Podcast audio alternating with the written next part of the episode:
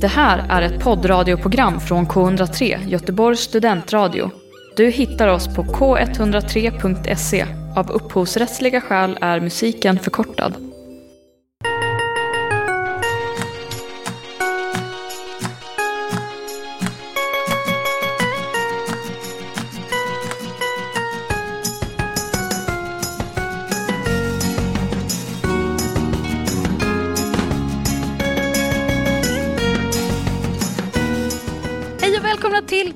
103, film och serieprogrammet här på K103 Göteborgs studentradio.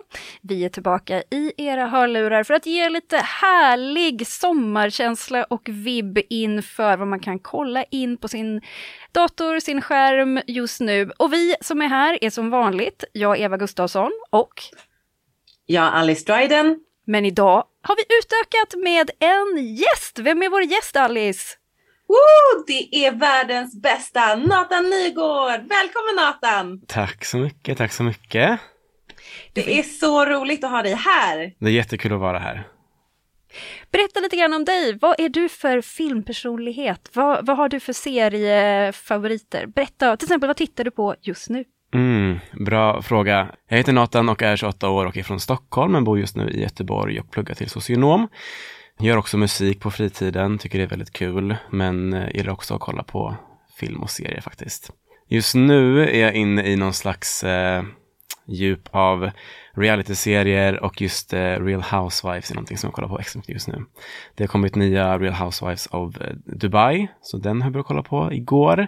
Eh, och sen så är jag också ikapp med Real Housewives of Beverly Hills. Så det är någonting jag verkligen kollar på mycket just nu. Det är det jag har tid för, det är det jag har energi för och det är det jag kollar mest på. Det låter väldigt soligt och glassigt om inte annat. Precis. Jag hade faktiskt ingen aning om att det fanns en Real Housewives of Dubai. Det, är det nytt? Hur många säsonger finns det? Den är helt ny. Jag tror det finns tre avsnitt just nu på, på More. Så det är väldigt, väldigt nytt. Gud vad kul! Men får jag, får jag fråga en eh, till fråga?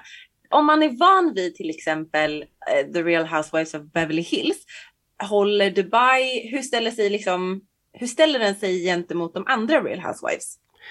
Alltså den är ganska lik skulle jag säga, men samtidigt väldigt over the top. Jag tror de typ har generellt sett mer pengar bara där. Och det är mycket mer glamoröst och det är mycket mer liksom, eh, det man tänker och tror om Dubai, det är typ exakt så. Så det är väldigt glamoröst och väldigt extra. Så det är nice. Okej, more is more. Yes, exakt.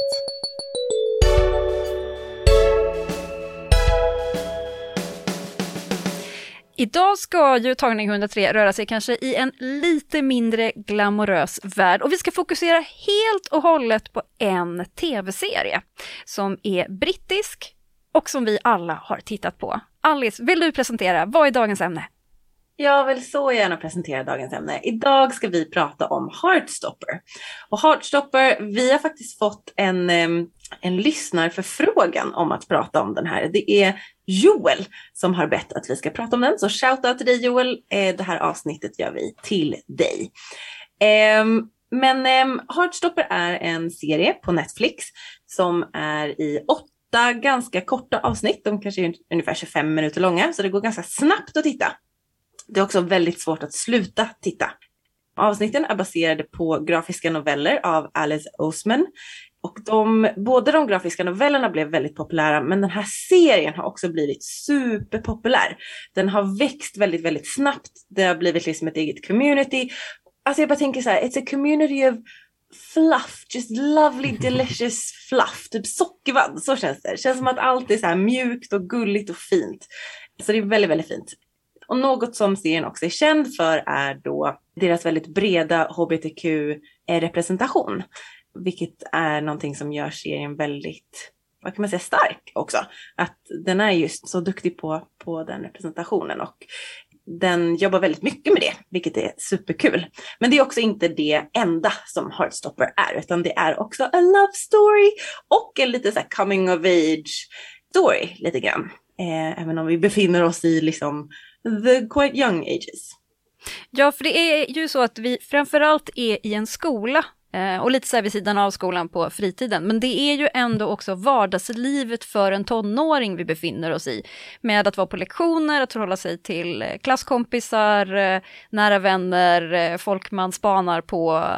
Men också kommunikation däremellan eller liksom, sociala medier som rör sig i ens värld. Så det är väldigt mycket också vardagslivet. Verkligen. Eh, jag tänker att jag kan dra handlingen lite kort för er som inte har sett Heartstopper. Och vi kommer inte spoila jättemycket, men jag tänker ändå att så här, den här första biten, har man inte sett den, don't worry, spoiler free.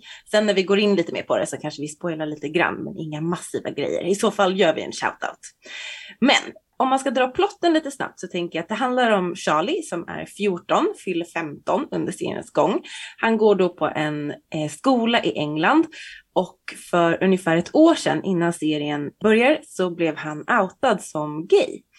Och han har blivit väldigt, väldigt mobbad för detta och har ganska mycket men och trauman från, från den tiden. Nu är det lite bättre men det sitter fortfarande i och det är fortfarande ungdomar som eh, mobbar honom för det här.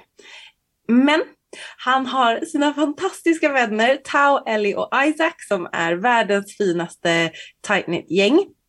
De har varit vänner ganska länge förstår man, men eh, Elle som är en eh, transkvinna, hon har nu bytt skola. Så skolan som Charlie går på är en all boys school.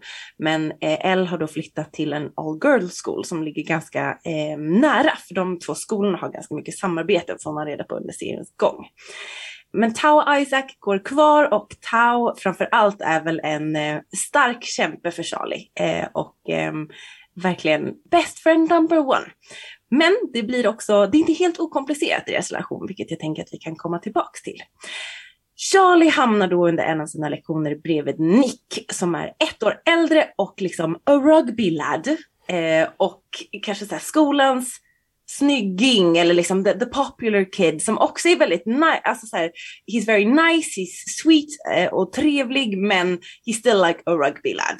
Så Tao och Isaac är såhär, oh no, liksom, oh, hem, liksom. Men, och Charlie faller väl ganska snabbt för Nick, men inte, men är ganska liksom säker på att it's one-sided och att Nick är straight. Det här är ju dock inte sanningen utan Nick, eh, allt eftersom han eh, lär känna Charlie så börjar han också ifrågasätta sin sexualitet och på den vägen är det som vi vandrar i den här serien.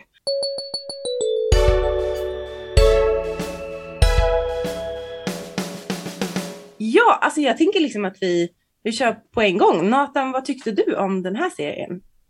Jag tyckte den var otroligt fin. Eh, jag som är hbtq-person har inte sett en sån här serie på det här sättet, i det här formatet.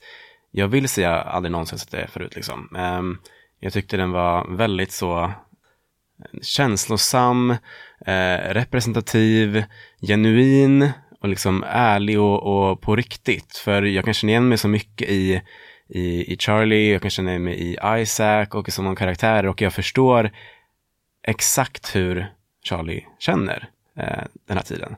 Eh, och det gör den så jävla speciell för mig tycker jag. Så jag liksom eh, har jag grät så mycket när jag såg den, sett den två gånger, grät lika mycket båda gångerna och eh, tycker den bara är så fantastisk och viktig. Och jag hoppas att eh, många unga hbtq-personer ser den här eh, och kan känna igen sig och kanske får lite pepp och styrka och liksom känna att livet kanske är lite eh, lättare eller kommer bli lättare i framtiden. Eh, väldigt fint sagt. Eh, Eva, vad tyckte du om den här serien? Jag gillar den också väldigt mycket. Alltså den, den var så charmigt och fint gjord och eh, jag gillade karaktärerna. Att de eh, fick vara ganska olika men att de ändå passade väldigt bra ihop. Jag tycker att man kan se att det kommer från en grafisk novell. Lite hur man, för det är på något sätt som att de, de liksom ploppar upp i rutor som är scener där för det är ändå lite så att det, jag kan tycka att det finns en del saker i serien som kanske inte riktigt hänger ihop hela biten. Och, och att det kanske lite kommer från den grafiska novellen, att så här, här är den här scenen, det är de här människorna just nu. Men jag gillade karaktärerna väldigt mycket och att man försöker nyansera de problem man har kanske att karaktärerna är ibland väldigt vältaliga för att vara, alltså jag ska inte förringa åldern, men de är ganska unga och det känns som att de, de är så himla förnuftiga ibland och kan sätta ord på sina känslor på ett sätt som kanske kan vara ganska svårt när man är så ung. Men jag tror att det faktum att man låter dem göra det här hjälper den som tittar. Att man lite mer kan säga, ja men vad bra sagt. Det, det funkar liksom tycker jag. Verkligen, Gud, jag håller så mycket med eh, det du säger för att något, eh, ett av de här exemplen skulle kunna vara Harry och Harry är vän då med Nick men han är alltså verkligen a bully. Harry är liksom a posh rich lad just, som bara så här bråkar med folk och liksom verkligen är så här utåt, alltså så här, a stereotypically, a stereotypical bully liksom. Nick säger så här, han bara, han äter lunch med Charlie någon gång och bara, det här är så trevligt att äta lunch med dig. Alltså när jag sitter med mina kompisar, we just chuck stuff at people. och man bara, det kan vara pointless. Men Harry då är ju inte, alltså han är inte blygsam för att liksom säga elakheter och, och sen säga, men jag menade det inte, jag skojade ju bara, du fattar ju, åh, liksom. Och vi får ofta se Nick inom ramen av sin egen liksom, comfort zone ändå säga ifrån. Eller, och också ibland utanför sin comfort zone. Men att till exempel det är en fest i några avsnitt in i serien och Harry säger någonting och Nick är såhär, that's really homophobic Harry. Och man bara shit, han verkligen såhär satte eller liksom han ställde Harry mot väggen och var såhär, he called him out on the bullshit. Och det är väl kanske en av de sakerna som jag känner så här, det är riktigt modigt och gjort av någon som så här, det här är hans, den vänskapsgrupp han kommer ifrån, det här har tidigare varit hans enda vänner och mm. nu har han liksom hittat en ny person som plötsligt representerar en helt ny värld, för man kan vara på ett helt annat sätt och det har liksom inte funnits i hans värld förut. Men att då bara stå upp mot dem och säga, nu gör du fel, och speciellt mot den som är den högljuddaste i det här gänget, som verkar vara lite ledaren, det är också väldigt starkt. Uh, och det kanske väl, det är en sån grej som kan göra att jag känner att det kanske inte alltid är helt verklighetstroget, men det spelar ingen roll. Och jag blir bara så glad att det är så här, att man visar att man kan så här, det är viktigt att säga ifrån. Även på sånt där folk som Harry är så här, nej men jag menar det inte, fast jo, men du säger de här sakerna, så här, eh, du vågar inte stå för dem, eller menar eller för att du har hört dem någon annanstans ifrån, var kommer det ifrån? Du, du tror att det är okej att säga så här, men det är inte det, och du måste lära dig att det inte är det. Liksom. Mm. Mm. Ja, verkligen. Jag tänker också, alltså en grej som jag verkligen tycker om i serien är att den är, eller det jag sa tidigare med att jag tycker att eh, sådana här serier, eh, att jag inte sett en sån tidigare förut på samma sätt, är att ofta så finns det liksom någonting hemskt som alltid händer och att sällan så får de här queer-personerna sin kärlek eller sällan så blir det liksom bra. Men i den här serien så tycker jag det bygger upp för alltså förutsättningar som gör att det här som känns på riktigt som queer-person. Och eh, homofobin och transfobin är väldigt tydlig i, i seriens gång, men samtidigt så är det inte det som är fokuset. Vilket jag tycker oftast händer när det är hbtq-personer som är i en serie som det handlar om. Att det ska liksom handla om ah, vad svårt det är att komma ut, eller vad svårt det är att vara trans, vad svårt det är att vara det här. Men i den här serien så är inte det, tycker jag i alla fall, fokuset. Fokuset är liksom känslorna och det här pirret och vänskapen och liksom allt det där. Och även Els storyline som ju är en transtjej där är det inte heller någon fokus kring att oj, hon är trans, ah, det här och det här, utan det är bara hon är trans och hon är där och det är det och hon har kompisar och hon går i ny skola och det är inte fokuset på så här, ah vad jobbigt det är att vara trans. Så jag tycker det är också ganska rättvis och ganska ovanlig representation av transpersoner i, i en sån serie. Och det är det verkligen också med, med hur de gjort det här. Ja, verkligen. Det är väldigt lite som är konstigt. Mm. Eller det är liksom ingenting som är konstigt. Det som sticker ut är liksom mobbarna att så här, man bara, men gud, det typ, alltså man reagerar på liksom att det sticker för det, det blir så att man bara, men, oj, det här var så hårt medan resten av serien är väldigt mjuk och, eller förstår ni hur jag menar? Alltså när jag säger mjuk så menar jag liksom att det är ganska okonstlat. Alla bara är den de är. Det är liksom inget, det är inget tjafs. Utan ja, det, det är så skönt att det bara får vara. Mm. Och som du säger Nathan, att så här, det är ju Charlie och Nicks relation och sen förälskelse som är fokuset. Och de, alltså det är typ, man, för det, jag måste verkligen erkänna, min first impression var jag kunde inte titta. Alltså jag var tvungen att spola mig igenom typ första gången jag tittade på serien. Jag har tittat på serien totalt fyra gånger tror jag. ja, liksom för första gången så klarade jag inte av att titta på det för det var, det var typ, hur ska man säga det här, det var för fint. Att det var liksom, det var så fint att jag kunde inte riktigt ta in hur mycket jag typ ville att det skulle bara få vara fint. Eller så, eh, och att det skulle få vara det här mjuka, att jag hela tiden var såhär, gud, det här är så gulligt, men tänk om det inte kommer stanna eller vad kommer hända? För det finns också, det är både Harry som är the bully, men sen har vi också en annan antagonist som heter Ben som är Charlies ex, som är också ett, alltså han är så svinig att det är Alltså det, där, det, usch, det är så, ja det är verkligen hemskt. Han är, också, han är så otroligt väl typecast, man ser direkt att han kommer att vara ett as. Ja. Det är liksom bara dragen i hur han ser ut. Det är taskigt, men alltså det, det syns så väl att han kommer att vara ett mean guy. 100 procent. Men och, liksom när jag hade suttit, alltså, alltså det tog mig liksom typ en vecka innan jag tog mig igenom serien första gången och sen kunde jag inte sluta titta om och om och om, om för den är så fin och bra och alltså så perfekt typ på våren och de, man får verkligen den här, alltså man får pirret. Mm. De bygger upp det så fint och man blir så här, ah, det är så gulligt och så när de liksom, alltså det finns liksom en scen när Charlie och Nick hookar lillfinger för att de är så här, jag vet inte om jag kan hålla dig i handen än, men så här, och så liksom ser man hur lillfingrarna närmar sig och alltså I'm, I lose my shit guys. Det är verkligen, det är så gulligt och det är så fint och sen också förstärks det Eva av det du pratade om i början det här med att de har lagt in de här grafiska inslagen. De har översatt det så väl mm.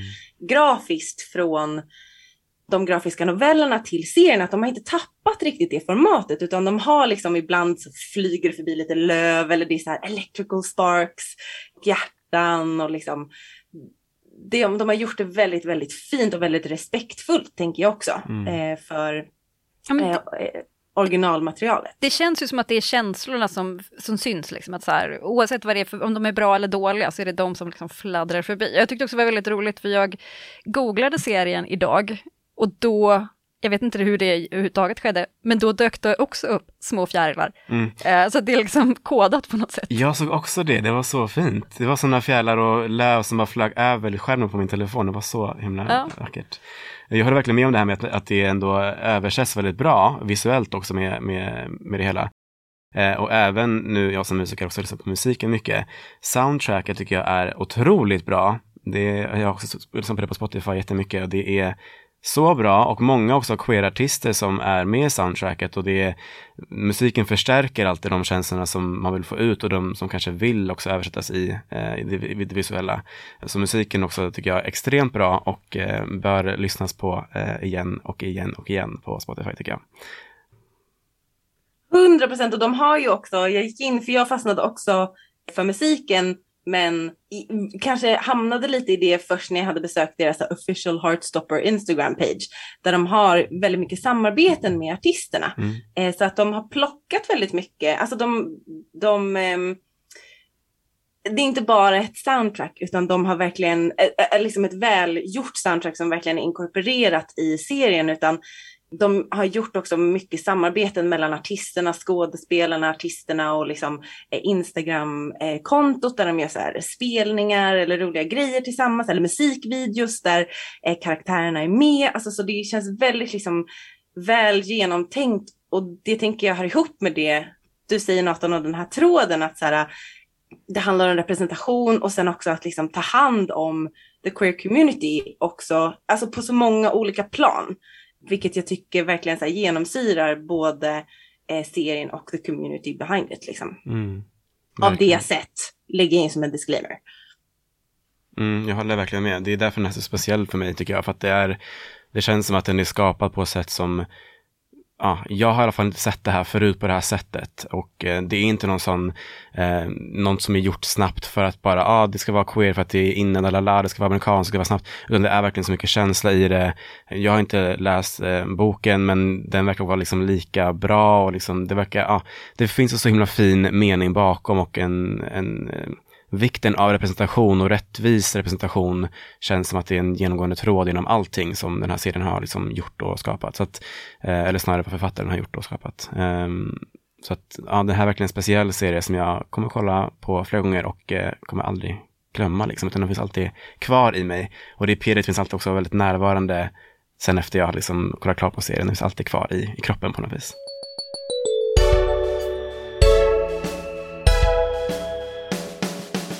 Kommer ju också komma en säsong två, så det kommer komma mer.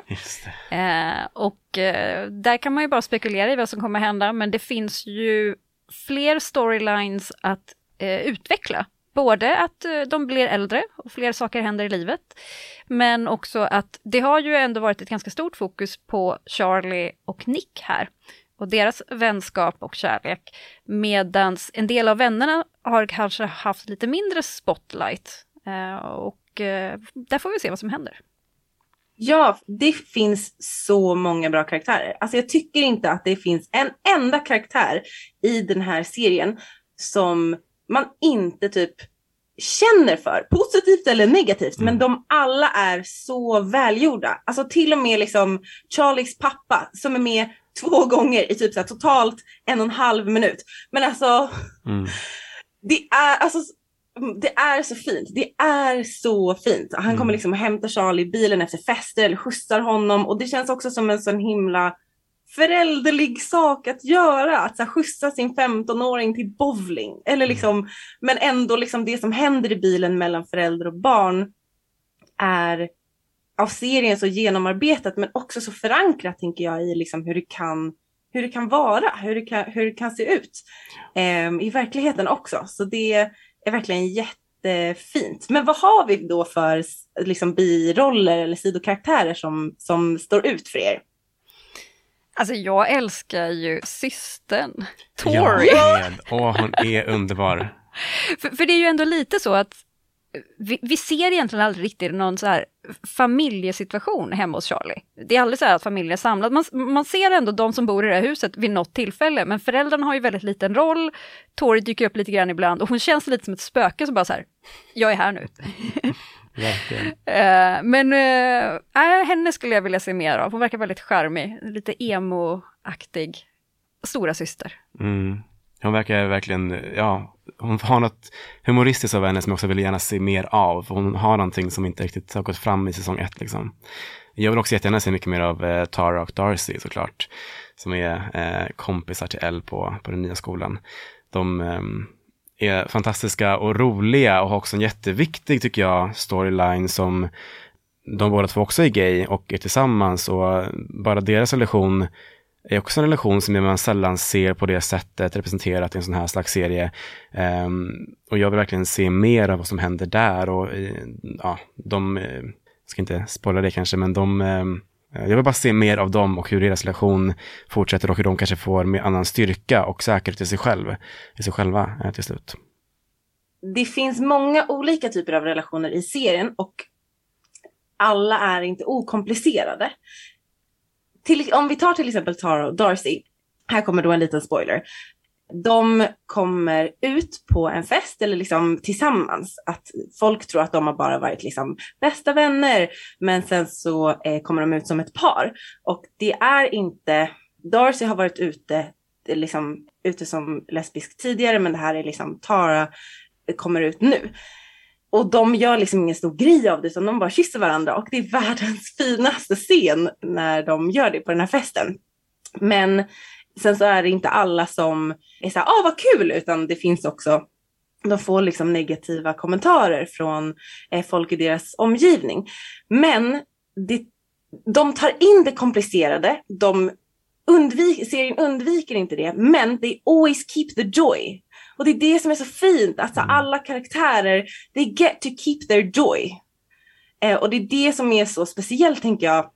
Och det du pratade om Nathan, att så här, när man lämnar eh, serien på åttonde avsnittet, sista avsnittet, så är man fortfarande pirrig och glad och joyful. För att it was a ride, it was a hell of a ride, things happened. Men damn, it was so nice. Mm. Liksom. Att det fortfarande liksom att den, it doesn't shy away from the complications. but it, you always get to keep the joy och karaktärerna får verkligen keep their joy and find their joy. Vilket alltså jag tycker det är så, det är verkligen, det är kärnan känner jag. Att här, det får vara komplicerat men det får också vara joyful. Jag har inget bra ord på svenska för joyful men jag tänker att ni förstår vad jag menar.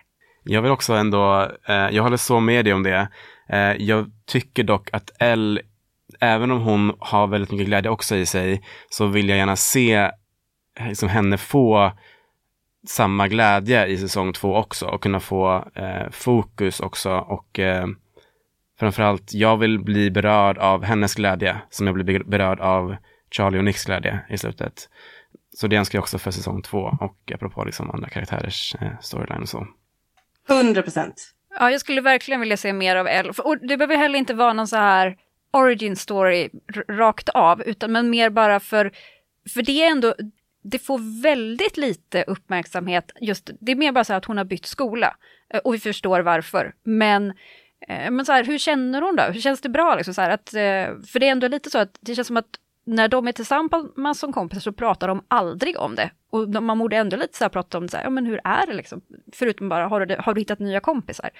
Eh, så jag tänker att där finns verkligen mer att, eh, att jobba vidare med. Vad händer nu liksom? En annan väldigt unexplored eh, karaktär är ju Isaac som är fantastisk men han säger typ ingenting, han bara läser böcker. Vilket jag verkligen kan identifiera mig med, att vara så den personen i, som är med och bobblar men ändå sitter och läser en bok. så jag köper honom men I would love to see more of Isaac. Mm, verkligen. Mer, mer lines för honom faktiskt. Mm. Färre titlar jag känner också att vi kan inte avsluta utan att nämna Olivia Colman. Såklart. Take it away guys, vad, vad tänkte ni, vad, när ni såg henne för första gången, vad var det så här, ja ah, såklart hon är med i den här, eller bara what?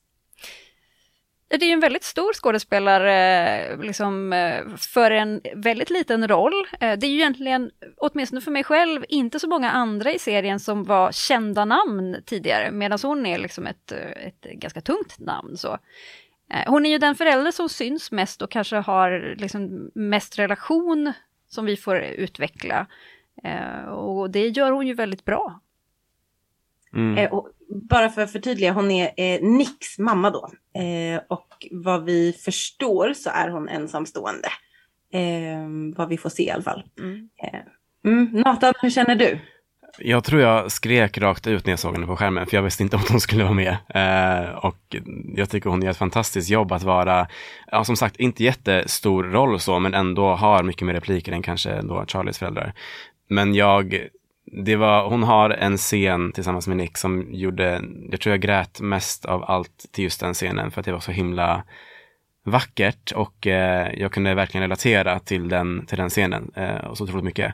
Och det var nog inte bara tack vare henne utan också till, eh, för Nick också såklart. Då. Eh, men eh, nej, så kul att hon är med och eh, hoppas hon också får någonting annat kul att göra i säsong två kanske. jag vill veta mer om henne, vem är hon, vad gör hon? Verkligen, vi vet bara att de ska go on holiday to somewhere. Det, ja. Och biljetterna är bokade.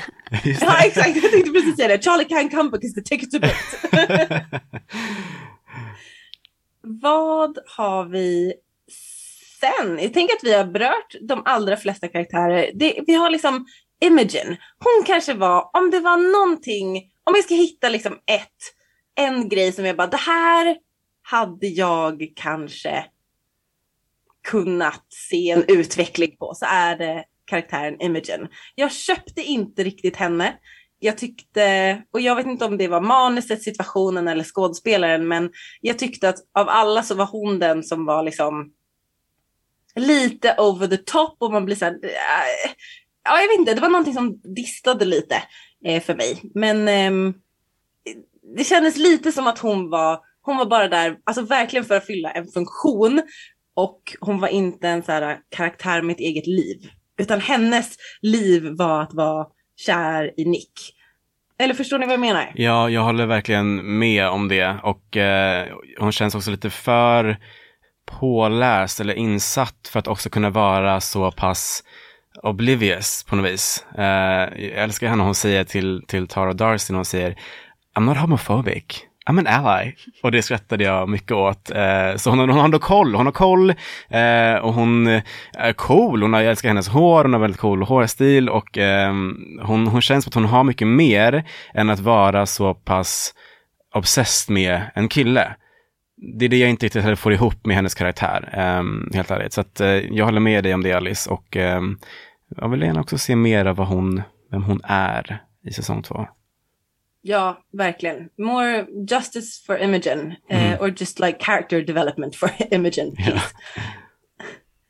Um, är det någonting innan vi går vidare som ni vill lyfta eller liksom som, som ni känner att det här har vi inte fått sagt om serien eller bara några fina avslutande ord?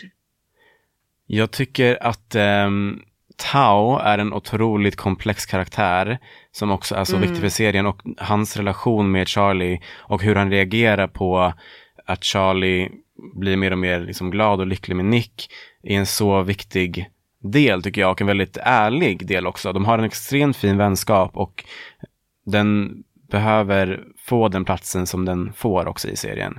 Eh, jag tycker den är väldigt eh, viktig och rättvis och ehm, det, ja, han verkar vara en otroligt fin vän också. Jag vill ha honom som, som min vän. Eh, men jag tycker verkligen också att jag vill se mer också av, av Tao i säsong två såklart. Ja, verkligen. Vi har pratat väldigt lite om Tao i det här avsnittet känner jag. Men eh, han ha, hade som du säger en stor del i serien för att han, kan man säga att han nästan var på något sätt så här, ja men han var eh, spindeln i nätet på något sätt. Eller liksom han hade, eh, ehm, han hade någonting att göra med sin relation till Charlie, han, han hade med Charlies relation till Nick att göra. Man förstår att så här, han Isaac och Charlie och Elle har varit liksom väldigt tight knit och det här med att han var väldigt rädd för att tappa den vänskapen, att någonting skulle ändras. Eh, och det kan man ju verkligen relatera till, tänker jag, alltså i tider av förändring med sina egna vänner, alltså det är jobbigt. Det är inte okomplicerat eller liksom smärtfritt att ens eh, kompisgäng eller bästa vän genomgår liksom en förändring eller skift i fokus med liksom tid. Eh, så ja, verkligen. Jag håller med Nathan. Ja, jag Väldigt tror, fin karaktär. Jag tror att Tau är den som jag mest eh, relaterade till i, jag kunde verkligen identifiera med honom. Uh, och just att det också representerar den här liksom, Alltså living innocence, alltså när allting har varit så himla tryggt hela tiden och sen så plötsligt så, ja men så här, Elle har bytt skola, hon har genomgått stora förändringar, eh, Charlie har haft det jättejobbigt och att man själv då försöker, man kanske inte tänker så mycket på sig själv utan bara liksom att man försöker att allting ska vara bra, don't rock the boat, men sen börjar det hända grejer som man inte kan styra över, då blir man så här, och kanske känner sig lite ensam kvar, bara, men jaha, jag var ju här hela tiden för er, var är ni nu? Gud ja, ja. Mm. Verkligen. Ja, jag håller så mycket med.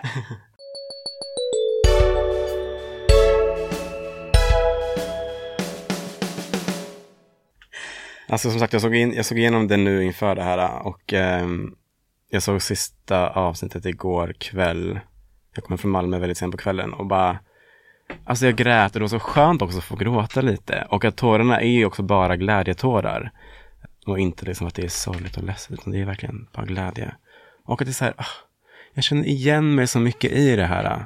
Det är liksom, även om inte jag hade samma liksom relationer och samma grej som hände mig i högstadiet, så var det här ändå jag. Liksom. Och jag ville ha det som de här har. Jag ville, jag ville ha Nick, eller jag ville vara Nick, eller jag ville ha Tao som en kompis. Eller jag ville liksom, ja, allt det Jag ville ha en lärare som Mr. Rajai. Alltså jag ville, jag ville liksom allt, allt som händer i serien.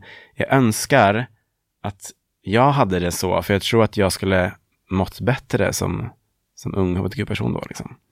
Så ja, det är verkligen en speciell, en otroligt speciell serie för mig, som jag verkligen har fastnat för. Jag tror jag nästan måste läsa böckerna också, annars vet jag inte vad jag gör. I väntan Då, på säsong det två. Exakt, exakt. Ja, verkligen. Det, men jag tror det finns typ så här fyra, fem böcker. Mm. Så det, we're all in luck. Ja.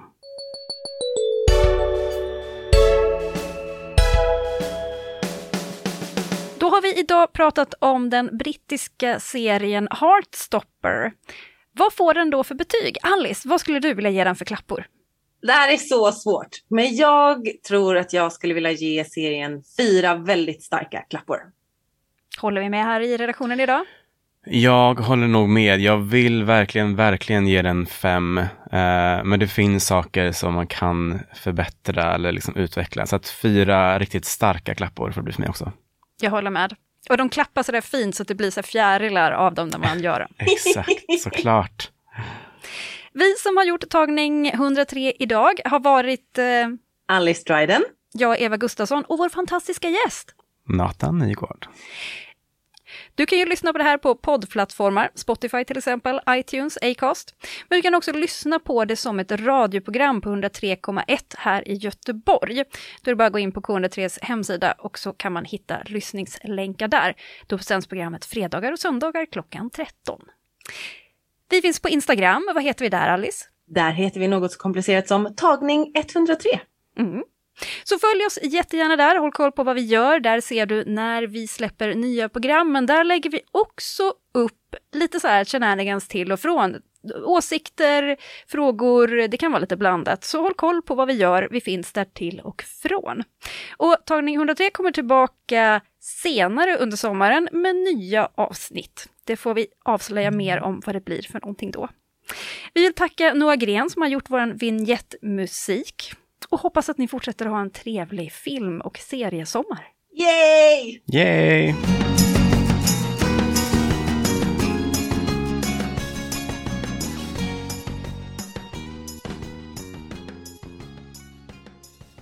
Du har hört en poddradioversion av ett program från K103.